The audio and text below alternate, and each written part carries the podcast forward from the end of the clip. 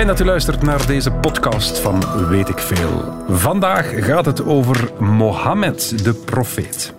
U hoort imam Khalid Benadou. Radio 1.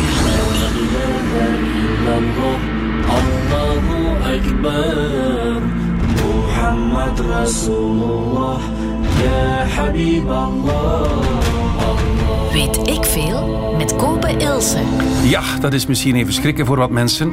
Op Radio 1, Allah, Allah, Allah. Maar het gaat vandaag in, weet ik veel, over Mohammed. De profeet van de moslims. Bij mij zit hoofdimam van de El Fat moskee in Gent, Khalid Benadou. Goedemiddag. Goedemiddag. Begrijp je dat sommige luisteraars nu al iets hebben van ze zijn daar weer? Eh, ja. Hè?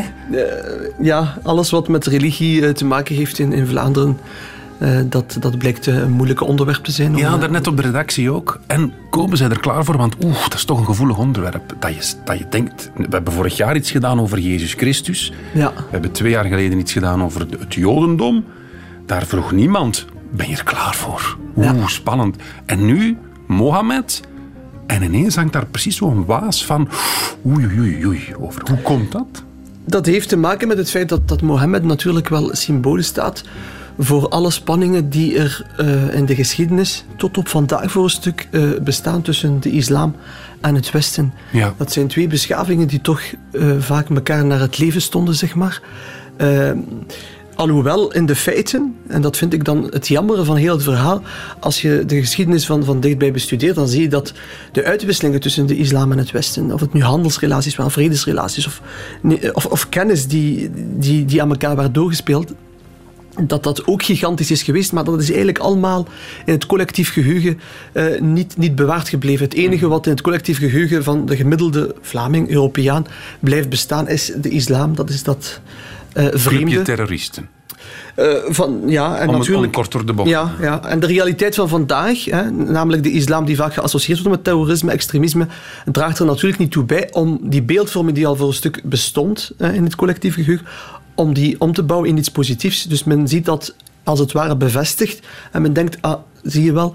Eh, dus eigenlijk zie je dat die relatie tussen islam en het Westen en het christendom al eh, een beetje vertroebeld is geraakt in de zevende eeuw toen eh, de Saracenen, want zo werden de Arabieren en de moslims toen genoemd, aan de poorten van Jeruzalem stonden in 634. En sindsdien is er van alles over elkaar gezegd geweest. Voilà, de geschiedenisles is begonnen. Want het- we gaan ons toespitsen vandaag niet op de islam en, en de wereldproblematiek. En Ja. Echt de figuur Mohammed. Vorig jaar hebben we het over Jezus Christus gedaan. Echt zijn verhaal. Vandaag gaat het over Mohammed. Mag ik de vragen stellen die ik wil stellen? Zullen we dat afspreken? Er zijn geen taboes. Er zijn geen taboes, geen censuur. Goed zo, zo hebben we het graag. Zullen we eerst wat muziek draaien? Tuurlijk. Een nummer dat heet Toepasselijk. Echt toepasselijk. Mohammed's Radio. Mooi. Goedemiddag en fijn dat u luistert.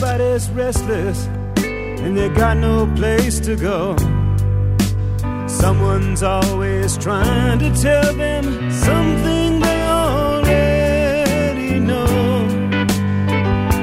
So their anger and resentment flow. But don't it make you wanna rock and roll all night long? Mohammed's radio. Warren Zeven. Nu, ik vraag even aan mijn gast Khalid Benadou hoe ik moet uitspreken. Is het Moh- Mohammed of Mohammed? In het Arabisch is Mohammed. Mo Mohammed. Moha. Moha. Van achter in de keel. Ja. Mohammed. Nee, Moha. Moha. Zeg het jij dan even. M- Mohammed. Radio van Oké. Warren Zeven. Teamwork, goed bezig. mopjes, maar voor moslims. Want het moet een goede zijn, anders is het geen mop. Een goede moslimmop. Een goede vraag, man. Een goede moslim. Weet ik veel. Hoe noem je een vrolijke islamiet? Lachmet. Een pick-up line binnen onze moslimgemeenschap is... Is je vader een terrorist? Want jij bent wel een bommeke. Hoe noemt de bekende ja, Arabische drank? Geen idee? Arabier. Humor? Kan erdoor. Ja, het is van YouTube gepikt. Goed. Oké, Mohammed. Laten we beginnen bij het begin. Beste Khalid Benadou, hoofdimam van de El Fat moskee in Gent. eigentijdse stem in de Vlaamse moslimwereld, islamleerkracht en voorzitter van het platform van Vlaamse imams en directeur van SIRA, Ja. een expertise- en onderzoekscentrum rond levensbeschouwing en diversiteit in Vlaanderen. Ik denk wel de geschikte persoon om hier ons een beetje te komen onderwijzen over die Mohammed-figuur. Laat ons beginnen bij het begin. Wanneer is hij geboren? Maar mag ik dan eigenlijk eerst vragen, zijn we er zeker van dat hij echt geleefd heeft? Ah, Wel, het is goed dat je met die vraag start, want ik wil eh, meteen eh, vermelden dat alles wat ik hier zal vertellen, dat dat natuurlijk vanuit een binnenperspectief is. Dus hoe de islamitische traditie daarover vertelt. Ja. En hoe de gemiddelde moslim eh, daarover denkt. En, en allerminst wil ik beweren dat wat ik vandaag zal vertellen, dat dat de moderne wetenschappelijke kritische disciplines zal, zal kunnen doorstaan. Eh, maar dat is volgens mij ook niet altijd even, even relevant. Het is ook belangrijk om te berichten hoe de moslims gedurende 14, 15 eeuwen lang naar hun eigen traditie kijken eh, en daar heel veel inspiratie uithalen om net hun islam te beleven. Eh, in heel veel van die verhalen zit ook heel veel idealisering en heiliging. Eh, dat is eigen aan, aan verhalen die je vertelt uit de geschiedenis. Dat is eh, niet enkel voor de islam zo. Dus de waarheid zal ergens wel altijd in het midden eh, liggen. Ehm, ik laat mij heel graag inspireren door, door de bekende filosoof Paul Ricoeur, die, die altijd zegt, als het gaat over geschiedenis, dan zit je altijd met een spanning tussen enerzijds de wetenschap, die dan een bepaalde methode heeft om de waarheid te achterhalen. Maar je zit ook met die verhalen die van generatie op generatie zijn doorgegeven en die daardoor ook hun deugdzaamheid hebben bewezen en, en voor een stuk ook een identitaire sokkel vormen en bepalen wie je bent. En in dit geval bepalen die verhalen voor een stuk wie vandaag moslim is en wie dat niet is. Eh, Omdat je eh, niet anders kan dan, dan teruggaan naar, naar, naar die verhalen. Dus ook wat ik zal vertellen over de profeet Mohammed is voor een stuk eh, verhalen die wij hebben meegekregen in die traditie. Maar is er bewijs dat hij bestaan heeft? Natuurlijk, vanuit mijn islamitische traditie heeft hij natuurlijk wel zeker bestaan. Ja, Eh, want over Jezus, dat wordt dan gezegd hè, de, de, in, in, in de katholieke kerk, de figuur. Eigenlijk zijn er geen, ja, zijn uiteraard geen foto's, er zijn geen echte bewijzen dat die er is geweest. Het is allemaal door verhalen. Er zijn natuurlijk heel veel verhalen daarover te vinden die zo gedetailleerd zijn, die door verschillende mensen zijn verzameld, die ook niet op een of andere manier een samenzwering hebben gedaan, want het waren mensen die allemaal in verschillende plaatsen hebben geleefd, in verschillende tijden hebben geleefd. Dus je zou daaruit kunnen eh, afleiden dat, dat die persoon echt wel geleefd heeft. Eh, en en eh, natuurlijk, zoals ik zei, ja, wetenschappelijk is dat heel moeilijk. Dat is geen exact- exacte wetenschap. Maar iemand die toch zo'n hele grote invloed heeft gehad, eh, ja, dat is denk ik heel moeilijk eromheen dat, dat, dat die man zou niet, niet zou bestaan en dat dat helemaal gebaseerd is op een fictie. Maar bijvoorbeeld, ter, in, ter voorbereiding van dit programma heb ik YouTube eens bekeken en daar staat een fragment op, een beeldfragment, dat, dat er ergens haar van Mohammed nog zou bewaard zijn. In een, in een glazen kist. En dat is dan blijkbaar het, het moment suprême voor de mensen die dat mogen aanschouwen. Is dat dan het echte haar van de profeet? Of, of niet? Ah, Wel, dat laat ik echt in het midden. Ik weet dat er Ja, heel veel musea zijn die, die van alles verzamelen en zeggen, goed, dit is, eh, dit is van de profeet Mohammed, maar om de authenticiteit daarvan te bewijzen, dat is niet evident. Maar Nee, hetzelfde met de lijkwade het bijvoorbeeld. zijn- ja. Inderdaad. En er zijn natuurlijk heel veel moslims die daar helemaal in opgaan en die dat, die dat wel voor waarheid eh, aannemen.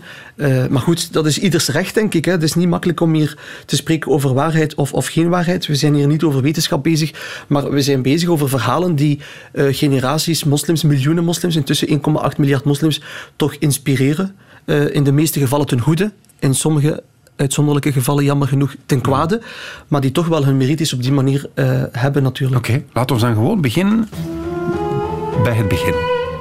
Is er een geboortedatum? Wanneer heeft de profeet geleefd? De profeet is eh, geboren volgens eh, de traditie eh, in 570, 571 na Christus. Oké, Ja, en waar?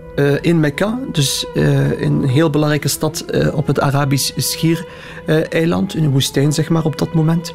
Eh, hij is daar eh, geboren. Dat is trouwens de reden waarom dat Mekka tot op vandaag de meest heilige plek is voor moslims wereldwijd. Samen met Medina. Dat zijn twee steden waar Mohammed een heel belangrijke rol in heeft gespeeld. Hij is geboren in Mekka, maar hij is wel gestorven in, in Medina en begraven in Medina. Ja, ja. Eh, en dat is ook de, dus Medina is ook de stad waarnaar hij verhuisd is geweest, geëmigreerd is. Op het moment dat hij het gevoel had dat hij zijn boodschap niet langer meer kwijt kon in, in Mekka. Want op het moment dat hij daarmee kwam, was er natuurlijk wel heel veel tegenstand. En wordt hij geboren in een stal met een os en een ezel? nee, dat Nee, nee. met koningen en mirren? nee, dat Nee, is- nee. nee. Welke, waar, in welke familie, in, in, in welke Hij komt sociale klasse Ja, hij geboren? komt uit een eh, eh, lagere sociale klasse. Dus hij komt uit een stam wat, wat men noemt de Benu Hashim-stam. Dat is een vertakking van de Quraysh-stam. De Quraysh-stam was de meest bekende, dominante stam in, in, in, eh, in Mekka. En een vertakking daarvan was de Benu Hashim. En hij kwam uit die stam. En die stam was, was een armere stam. Eh, dus hij kwam niet uit een... politieke familie, zeg maar. Eh, ook niet uit een machtige familie. En daarom dat natuurlijk de, de verwondering eh, des te groter was. eh, op het moment dat hij zich uitte als zijnde de profeet, dat daar natuurlijk heel veel tegenstand tegen kwam. Vooral van de Mekkaanse autoriteiten en van de mensen van Quraysh. die dachten van goed, dit kan niet. Dat, Dit is een laps, want dit is iemand die zichzelf belangrijk waant. En, en, ja, maar- ja. maar wel tegenstrijdig, want in onze traditie zien we wel dat voor zijn profeetschap, want hij is profeet geworden op 40 jaar, dat, dat hij voor zijn profeetschap als bijnaam kreeg eh, als Sadiqul Amin. Dat is de betrouwbare, de meest waarachtige. Dus als de stammen in Mekka geschillen hadden en ruzies hadden, dan gingen zij eh, naar Mohammed om eh, die geschillen te beslechten, om tussen te komen, om te verzoenen en et cetera. Dus hij werd echt wel eh, hoog eh, in waarde geschat. En op het moment dat hij dus met zijn boodschap naar buiten kwam, was het voor vele mensen in Mekka eh, eigenlijk bijna een paradox, want zij moesten dan hem bestempelen als een, als een leugenaar, als een bedrieger, maar tegelijkertijd was hij enkel maar bekend. Maar laten we nog even teruggaan naar die geboorte. Hè. Straks gaan we verder over zijn leven. Is het door een onbevlekte ontvangenis? Is het gewoon een, een liefdeskind? Is er een, is er een vader? Is er een moeder? Hoe, Hij staat dat allemaal? heeft een normale geboorte gekend. Eh, hij- moeder en vader. Moeder was Amina. Vader eh, Abdullah. Eh, vader eh, heeft hij niet gekend, want hij is gestorven twee maanden voor zijn geboorte. Eh, dus hij is meteen als een weeskind eh, in de wereld gebracht. Eh, hij is opgevoed geweest door zijn moeder, de eerste twee jaar door een zoogmoeder, want zo ging dat toen bij de Arabieren. Eh, wanneer een kind geboren werd, dan werd hij eerst uit handen gegeven aan de zoogmoeder eh, Halima Sa'diya, die hem twee jaar lang heeft opgevoed. Serieus? En, en werd hij dan teruggegeven aan de, aan de moeder. En op zesjarige leeftijd stierf de moeder. Waarna hij eh, verzorgd werd en opgevoed werd door de grootvader, die ook een heel belangrijke een man was in Mekka, eh Abdul Muttalib. Eh, en zijn grootvader stierf dan twee jaar nadat zijn moeder eh, stierf, dus op achtjarige weg. leeftijd. Dus op achtjarige, nou, op- eigenlijk op zesjarige leeftijd was hij wees. Was hij wees. Ja, was hij wees. Is dan door de grootvader eh, ja, eh, onder de hoede genomen, zeg maar. Eh, op achtjarige leeftijd is de grootvader ook gestorven. En toen was het zijn oom, Abu Talib, die eh, zorg eh, droeg voor hem tot hij uiteindelijk ook profeet eh, is, is geworden. Ja. Hoe kunnen we zijn, zijn jeugd dan omschrijven als eigenlijk een, een trieste, eenzame jeugd? Of, of was hij, werd hij onmiddellijk aanzien als iemand heel speciaal? Of, of was het een kind zoals een ander? Wel, zoals ik zei, dus wat we eh, lezen daarvan in de islamitische traditie is dat hij eh, bekend stond als een heel redelijke man, heel betrouwbaar, heel waarachtig. Eh, iemand die eh, als beroep had in de eerste instantie een schaapherder, maar die dan een koopman is geworden. Eh, op 25-jarige leeftijd is hij ook getrouwd met een heel bekende handelaar, vrouwelijke handelaar, Khadija, die, die uitblonk omdat zij heel veel handelskaravanen had. En zij li- liet haar ogen vallen op, op Mohammed voor zijn kwaliteiten, want hij werkte bij haar. En toen zijn ze getrouwd. Hij werkte bij haar. Hij werkte bij haar, ja. Ah, oké. Ja, ja, En inderdaad. zij werd verliefd op hem. En zij werd, eh, En verliefd, hij op haar. zij werd verliefd op hem. Eigenlijk zou je kunnen zeggen dat dat eh, een beetje vooruitlopen is op, eh, op de tijd. Hè? Eh, want als je in die, in die tijd keek naar de verschillende beschavingen, wat de status was van de vrouw. Wel, in die tijd was het Khadija, die, die eigenlijk een heel belangrijke handelsvrouw was. En die eh, Mohammed in dienst nam. En op die manier eh, verliefd werd op, eh, op hem en hij op haar. En, is een eh, beetje MeToo, hè? de bazin die eh, met, eh, met het personeel gaat lopen. Hè?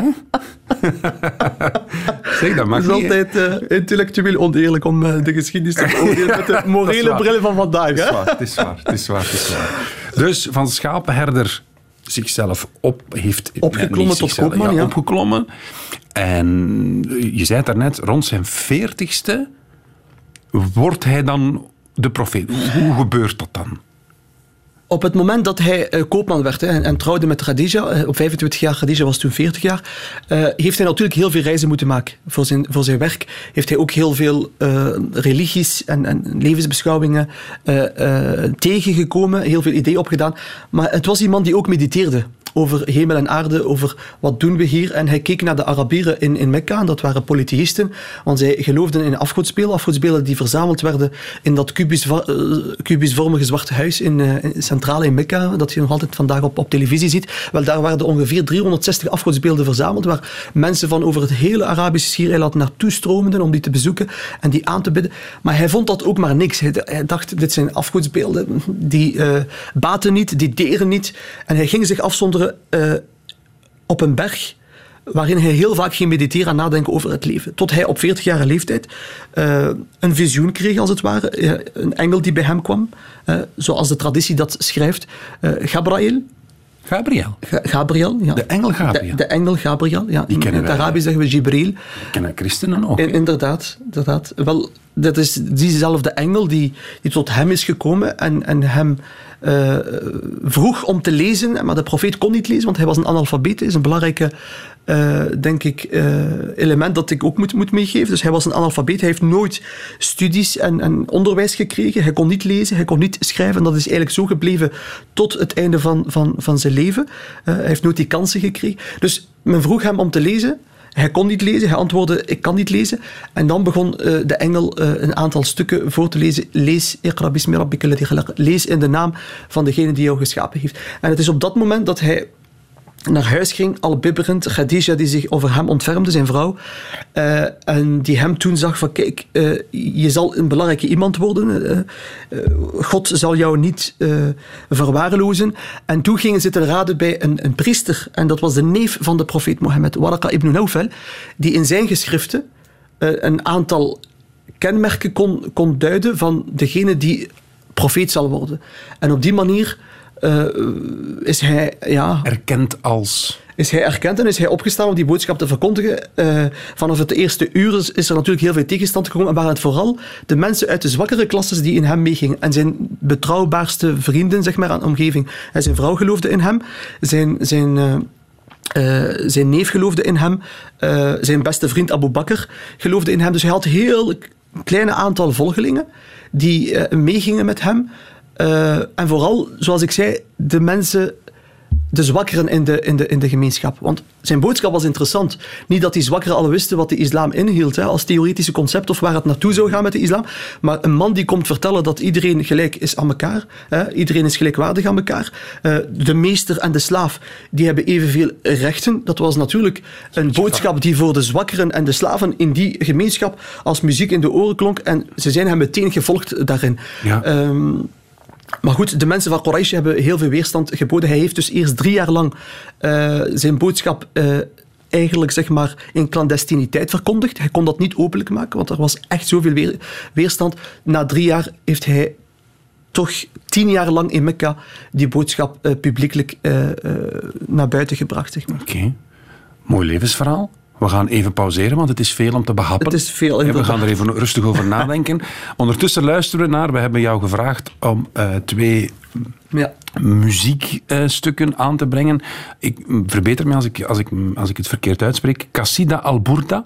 ja. Is dat juist gezegd? Qasida al-Borda. Ja. Voilà, dat ga, daar gaan we naar luisteren. Wat horen we?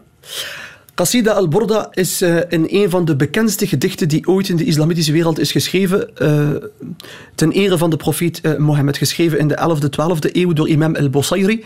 eh, waarin hij dus de profeet looft, zeg maar. En het is in allerlei versies vandaag gezongen sinds, sinds de 13e eeuw tot nu. Voilà. Als er vragen zijn, die mogen komen. Hou het beschaafd, hou het netjes en we leggen ze voor aan onze gast vandaag. Dit is Cassida al-Burda in Weet ik Veel over Mohammed. مولاي صل وسلم دائما ابدا على حبيبك خير الخلق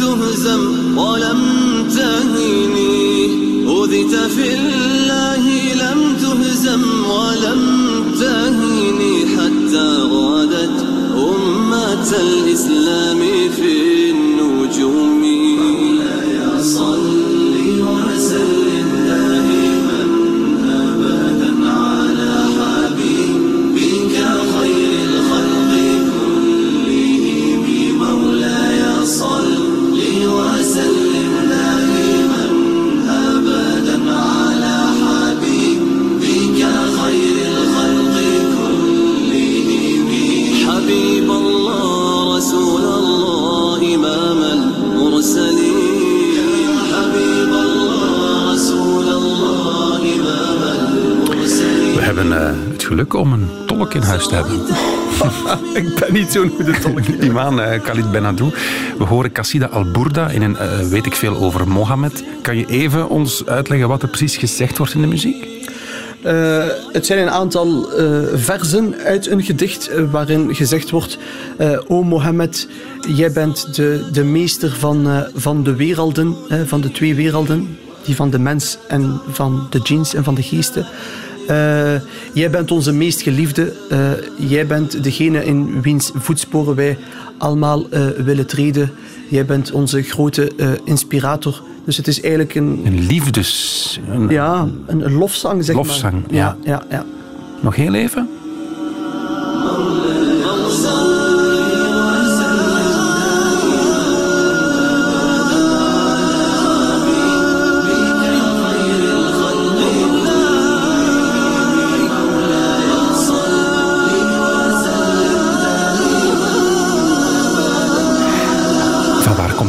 Nasale altijd in die, in die dingen? Het is, het is heel... Nee, nee. Begrijp je wat ik wil zeggen? Is dat, is dat zo afgesproken? We gaan altijd zo zingen? Hoe, hoe komt dat? Nu stelt u mij wel een, eh, een, een vraag. Ik denk dat dat... eh, Ja, het valt mij op. Altijd als je die muziek hoort, het is heel nasale muziek zo. ja, ja, wel, het is, het is eh, opvallend dat je dat nu zegt. Ik heb daar nooit bij stilgestaan. Oké. Ja. Radio 1. Weet ik veel?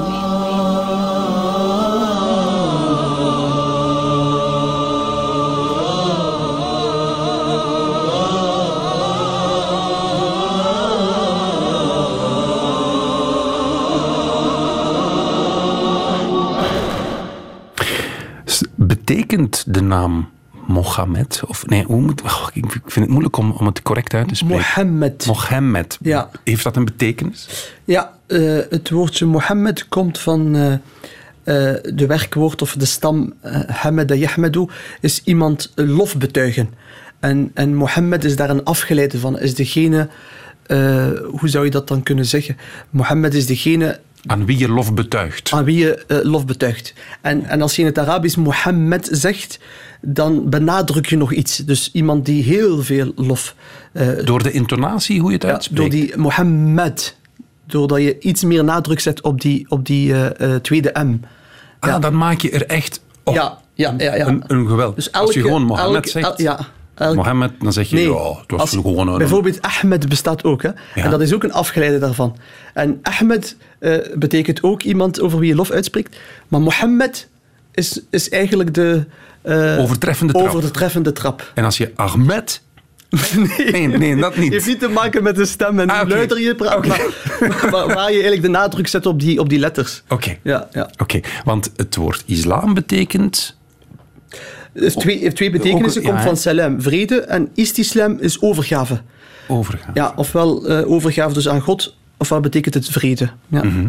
We hebben het geboorteverhaal gehoord. Heel simpel komaf. Moeder... Nee, vader is gestorven voor zijn geboorte. Moeder is gestorven toen hij zes was. Opgevoed door zijn grootvader. Ook gestorven dan door zijn oom. Schapenboer geweest, maar dan door natuurlijk talent heeft hij zich opgewerkt tot handelaar. ja. Is hij getrouwd met Khadija. Voilà, het examen straks. Ik kijk er niet naar uit. maar wat lees ik? De man heeft nog een hoop andere vrouwen aan de haak geslagen. Het was een playboy. Volgens, eh, volgens de, de normen van deze tijd eh, zou je die kwalificatie kunnen, Ja, kunnen gebruiken. Maar Hoeveel vrouwen Goed. had hij? Wel, eh, dus niet in één keer, hè, voor, voor alle duidelijkheid. Maar volgens de traditie was er zelfs geschil tussen 11, 12 of, of, of 13. Ja, zeg. Ja, ja, ja. ja. Eh, volgens de normen van die tijd was dat blijkbaar iets, iets gangbaars. Eh, natuurlijk, zoals ik zei, het is altijd moeilijk om met de morele bril van vandaag in onze heel sterke monogame cultuur naar, naar, naar het verleden te kijken. Hoewel polygamie wel toegestaan werd eh, in, de, in de islam of vanaf de komst van de islam. Alleen had de profeet Mohammed een uitzonderlijke status. Dat hij, want in polygamie binnen de islam heb je dan recht op vier vrouwen, eh, zogenaamd. Het is geen verplichting natuurlijk, maar het was wel toegelaten voor man- mannen in specifieke situaties. Maar de profeet genoot dan een uit- uitzonderlijke status en had dus meer dan, eh, meer dan eh, vier, vier vrouwen. Heeft hij dat zelf verzonnen, die regel, die uitzonderlijke status? Of is hem dat gegund geweest? Eh, wel, het is altijd door omstandigheden. De traditie vertelt, als je dan zoekt in de traditie naar verklaringen waarom eh, met, met al die vrouwen, dan lees je daarover eh, dat het vaak te maken heeft om op die manier. want als je kijkt naar de status van die vrouwen, daar zaten vrouwen bij die, die ja, een, een, een man hadden die overleden was en die dus door niemand meer konden, konden verzorgd worden. Dus nam de profeet die vrouw als, als, als, als zijn vrouw aan om, om haar eh, te verzorgen. Eh, het was ook blijkbaar eigen aan die tijd om, eh, om vrouwen vrij te kopen, hè, die, die slavinnen waren. En ze werden vrijgekocht door hen dan te huwen. Dus de profeet probeerde op die manier dan die, die vrouwen als slavinnen vrij te kopen. Dus er waren allerlei omstandigheden die maakten dat hij dan met die, met die vrouw gehuwd is. Maar wat het meeste bekend is, is, is over twee vrouwen. Dat is de eerste, Khadija, wa- waarmee hij eh, ook de meeste kinderen heeft gekregen. Hè, want de profeet had zeven kinderen. En zes daarvan heeft hij gekregen met de eerste vrouw Khadija. Oké. Ja. eh, hij had vier dochters en drie zonen, waar eigenlijk weinig over geweten is en die ook heel vroeg gestorven zijn. Dus in de traditie eh, wordt daar niet heel gede- gedetailleerd over verteld, net omdat ze vroeg gestorven waren. Zijn, al zijn kinderen zijn vroeg Ze gestorven. zijn vroeg gestorven, ja. ja, ja, ja. Eh, daarom dat er in, in de traditie daar niet zoveel over geweten is. Zijn oudste zoon is El-Qasim, en dan had je Abdullah en Ibrahim. Eh, en zijn dochters, oudste dochter eh, was Zainab, en dan had je Ruqayya, Umm Kulthum en Fatima. En over zijn jongste dochter is er wel veel bekend, want zij is getrouwd met de beste vriend van de profeet, Abu Bakr, die dan ook de leider is geworden van de moslims na de dood van de profeet. Dus hij, Amai. ja, hij, is, hij is degene die de leiding kreeg na de dood van de profeet. Eh, een belangrijke man geweest, ook in de geschiedenis, ook in, in de verdere eh, loop van de geschiedenis. En hij was dus getrouwd met de dochter van de profeet, de jongste dochter van. Een interessante vraag tussendoor van eh Rosianne Verheijden. Dank u wel daarvoor. Het verhaal van Mohammed. Ja, zwart, ik ga het niet goed juist kunnen uitspreken. Ik ga gewoon Mohammed zeggen. En zijn idealen lijken wel heel erg op het verhaal van Jezus. Kunnen zij één en dezelfde persoon zijn? Vraagt Rosianne zich af. Ja, volgens mij natuurlijk niet. Nee. Maar ik, ik ga eh, niet ontkennen, denk ik, dat er wel invloeden zijn geweest, omdat de islam wordt ook beschouwd als een religie die niet eh, uit het niks is gekomen, maar die eigenlijk een verderzetting is van de voorgaande boodschappen. En je kan, denk ik, in de traditie ook elementen terugvinden die erop duiden dat Mohammed door zijn handelsreis die hij gemaakt heeft toen hij zelfs nog geen profeet was, dat hij natuurlijk wel eh, die invloeden meekreeg van die andere religies, van het jodendom, van het christendom.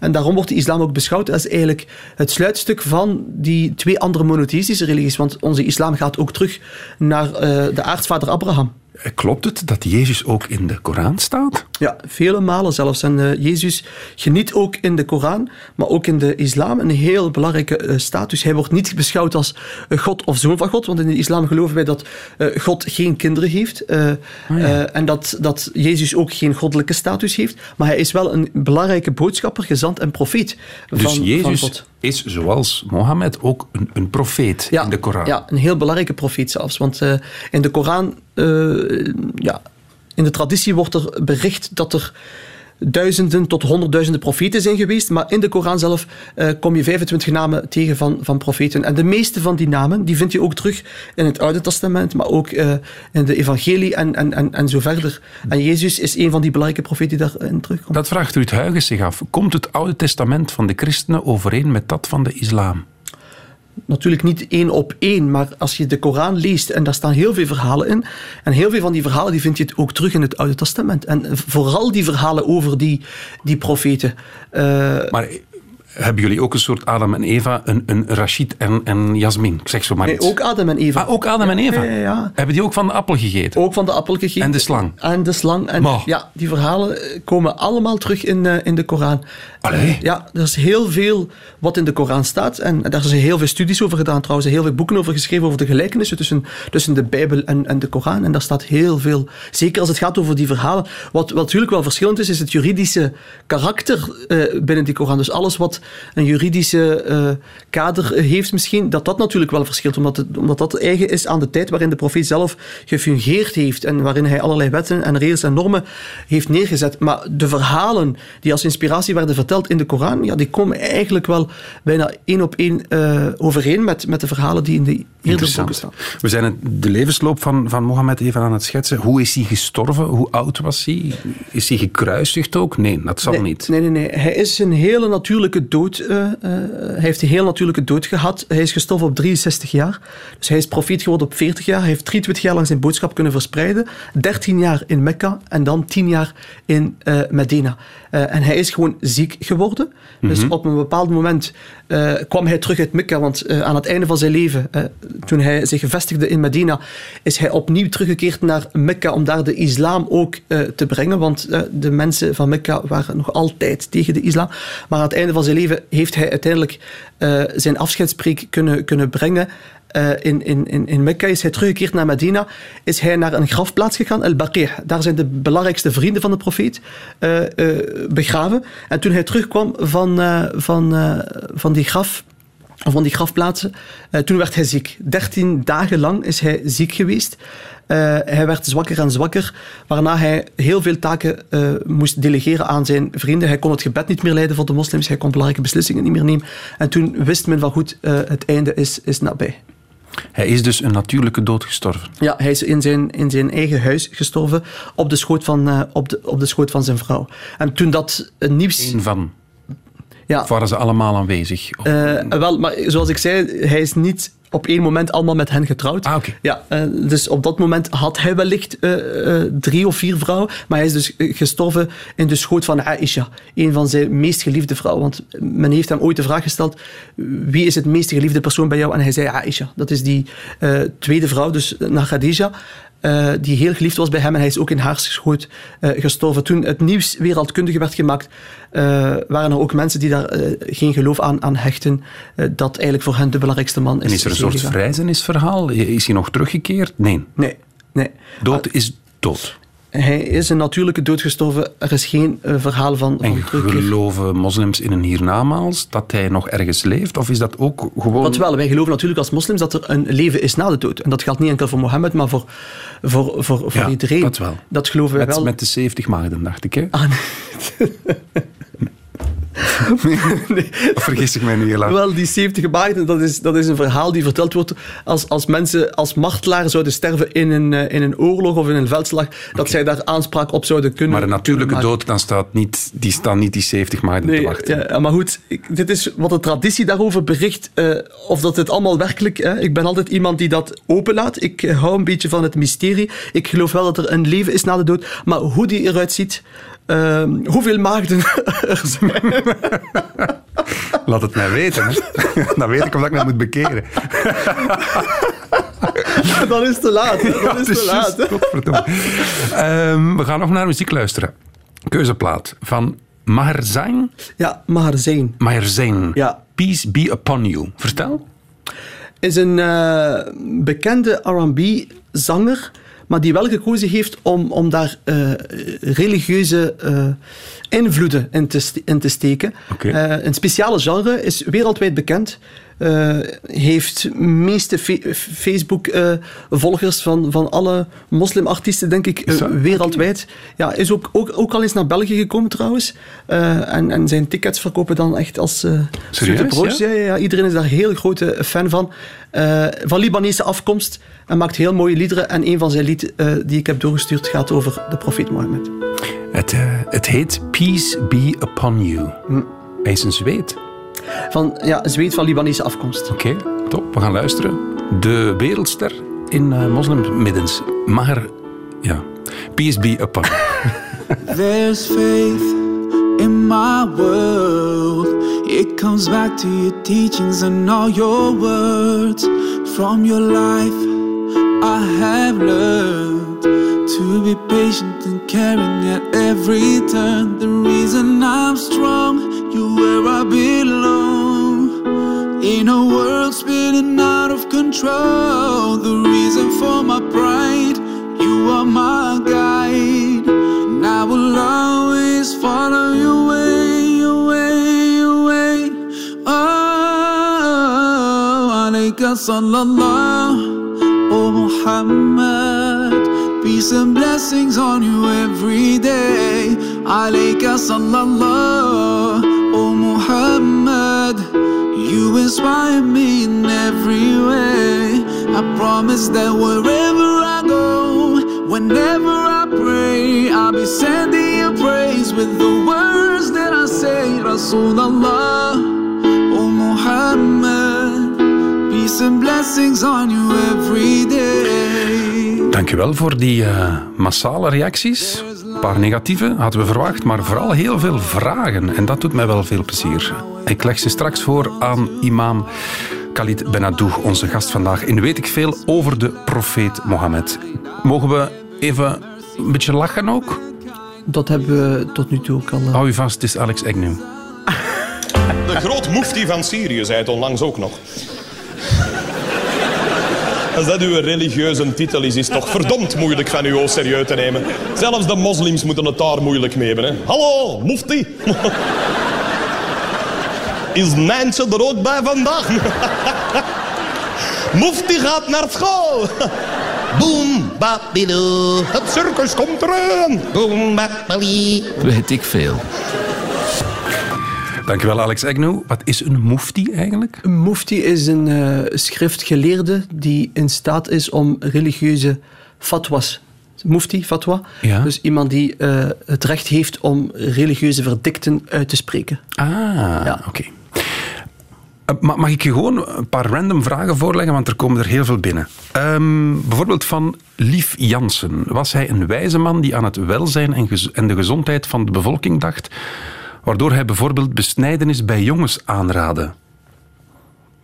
Oké. Klopt dat? Of, of, of verwarren we twee dingen met elkaar? Eh, dus wat dat laatste stuk betreft, ja, inderdaad, hij heeft wel eh besnijdenis aanbevolen. Hij is zelf ook besneden geweest door zijn grootvader op de zevende dag van zijn geboorte. En het is een traditie binnen de islam om besneden te worden als man, hè? Niet, niet als vrouw. Dus, eh, Ja. Ik weet dat dat soms ook verteld wordt, maar dat is eer, eerder eigen aan culturen en bepaalde tradities. Maar dat wordt nergens in de islam eh, voorgeschreven.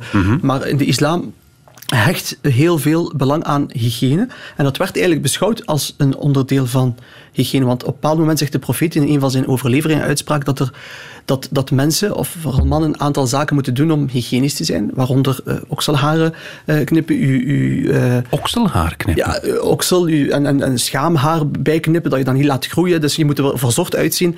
Je moet je baard voor een stuk laten groeien. Dat is dan wat, wat aanbevolen werd. Je moet je snor bijknippen. En dan vermeldt hij ook besnijdenis eigenlijk in, in, die, in dat rijtje.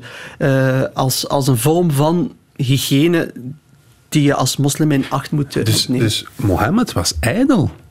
Was een verzorgde man. Hij, Hij, scheerde over, zich. over zijn eh, uiterlijk gesproken, daar is niet zoveel over bekend. Maar wat, wat daar wel over geschreven eh, is geweest, eh, daar wordt vermeld dat hij er altijd heel verzorgd uitziet. Hij had een rond wit gezicht, een hele donkere zwarte baard met een aantal grijze haren erin. Hij, hij was niet lang, niet kort. Hij had een gemiddelde lengte. Eh, hij had een hele grote moedervlek, eh, die even groot was als een duivelsei. Mag ik je even onderbreken? Jij bent hier nu de profeet aan het beschrijven hoe die eruit ziet. Dat mag, dacht ik niet, hè? Want Nee. die heeft toch die Binnen- heeft geen uiterlijk. Binnen de Soenitische traditie eh, is het altijd verboden gemaakt om hem uit te beelden. Binnen de Shiïtische traditie is hij vaak uitgebeeld geweest. Als je vandaag op Google gaat en je tikt profeet Mohammed en je gaat naar afbeelding, dan kom je een aantal afbeeldingen tegen. Die komen vaak voor in Shiïtische tradities. Die hadden daar minder moeilijkheden mee. Oké. Eh, de Ayatollah van, van bijvoorbeeld van, van Iran, maar ook die van Irak, eh Sistani, eh, in hun doctrines laten ze toe om de profeet uit te beelden. De Soenieten hebben dat nooit willen doen, net omdat zij zeggen, op het moment dat je hem tekent en afbeeldt, dan is die afbeelding eerder een weerspiegeling van de tekenaar dan van de werkelijkheid. En aangezien de tekenaar zelf beïnvloed is door zijn omgeving, zal hij hem een aantal eigenschappen toedichten die eerder een weerspiegeling is van hoe de tekenaar erin staat dan hoe de profeet er werkelijk uitziet. En dat zou een afbreuk doen aan dat ideaalbeeld dat moslims eigenlijk zouden moeten hebben en moeten overlaten aan de verbeelding. Want als iemand vanuit Afrika bijvoorbeeld Mohammed zou tekenen, zou hij hem waarschijnlijk eigenschappen toedichten die eigen zijn aan de cultuur. Een Europeaan zou dat ook doen. En dat zou afbreuk doen aan dat ideaalbeeld. Daarom heeft men dat opengelaten. Maar in de traditie wordt er wel geschreven hoe hij er ongeveer uitziet, omdat er natuurlijk mensen waren die met de profeet hebben geleefd en die over hem vertelden. Opengelaten is nu wel heel mooi uitgedrukt. Er zijn mensen, een jaar geleden of anderhalf jaar geleden, nog een leraar in Frankrijk die, die onthoofd is omdat hij omdat die, die een afbeelding heeft laten zien in een Ja, klas. wel, ik denk hè, eh, dat de grootste problemen die een harde kern binnen de moslimgemeenschap heeft, die vaak radicaal en extremistisch is, eh, dat het niet zozeer is met het uitbeelden van de profeet, maar eerder de manier hoe hij wordt uitgebeeld. Heel vaak is hij uitgebeeld geweest als, als een terrorist en et cetera. Ik denk dat ze daar vooral aanstoot aan namen. Alleen nu, nu maak ik zelf eh, intentieprocessen van die mensen, maar niet het uitbeelden op zich. Het is wel verboden gemaakt, maar het is niet verboden in die zin dat als je het doet, of als dat ergens wordt getekend, dat je daar mensen ja. mee moet gaan vervolgen met de dood. Want dat is eh, natuurlijk als niet-moslim, dat komt wel binnen. Dat Dat, er mensen onthoofd worden omdat er een afbeelding in een, een afbeelding- pedagogische context Ja. wordt getoond. Ja, dat, is, dat is absurd. Dat is absurd. Dat is- En opnieuw, de islam en de, de gemiddelde moslim leidt daar zelf ook onder. Hè. Dat is voor Dus zou- alle duidelijkheid niet wat de islam zegt en wat, wat de islam voorschrijft. De islam is gekaapt vandaag, jammer genoeg, door een aantal radicalen die elke keer opnieuw eh, de islam in een slechte daglicht plaatsen, die die teksten, die tradities helemaal niet hebben begrepen. Want kijk, ik ben zelf moslim, ik ben overtuigd. Ik vertel je vandaag over de traditie van profeet Mohammed. Eh, ik laat in het midden of er daar voor een stuk ook idealisering en heiliging in zit. Ik laat in het midden dat dat niet allemaal de wetenschappelijke toets zal kunnen doorstaan. Maar ik haal er heel veel inspiratie uit. Het bepaalt voor een stuk een deel van mijn identiteit van vandaag. Het, het inspireert mij om het goede te doen.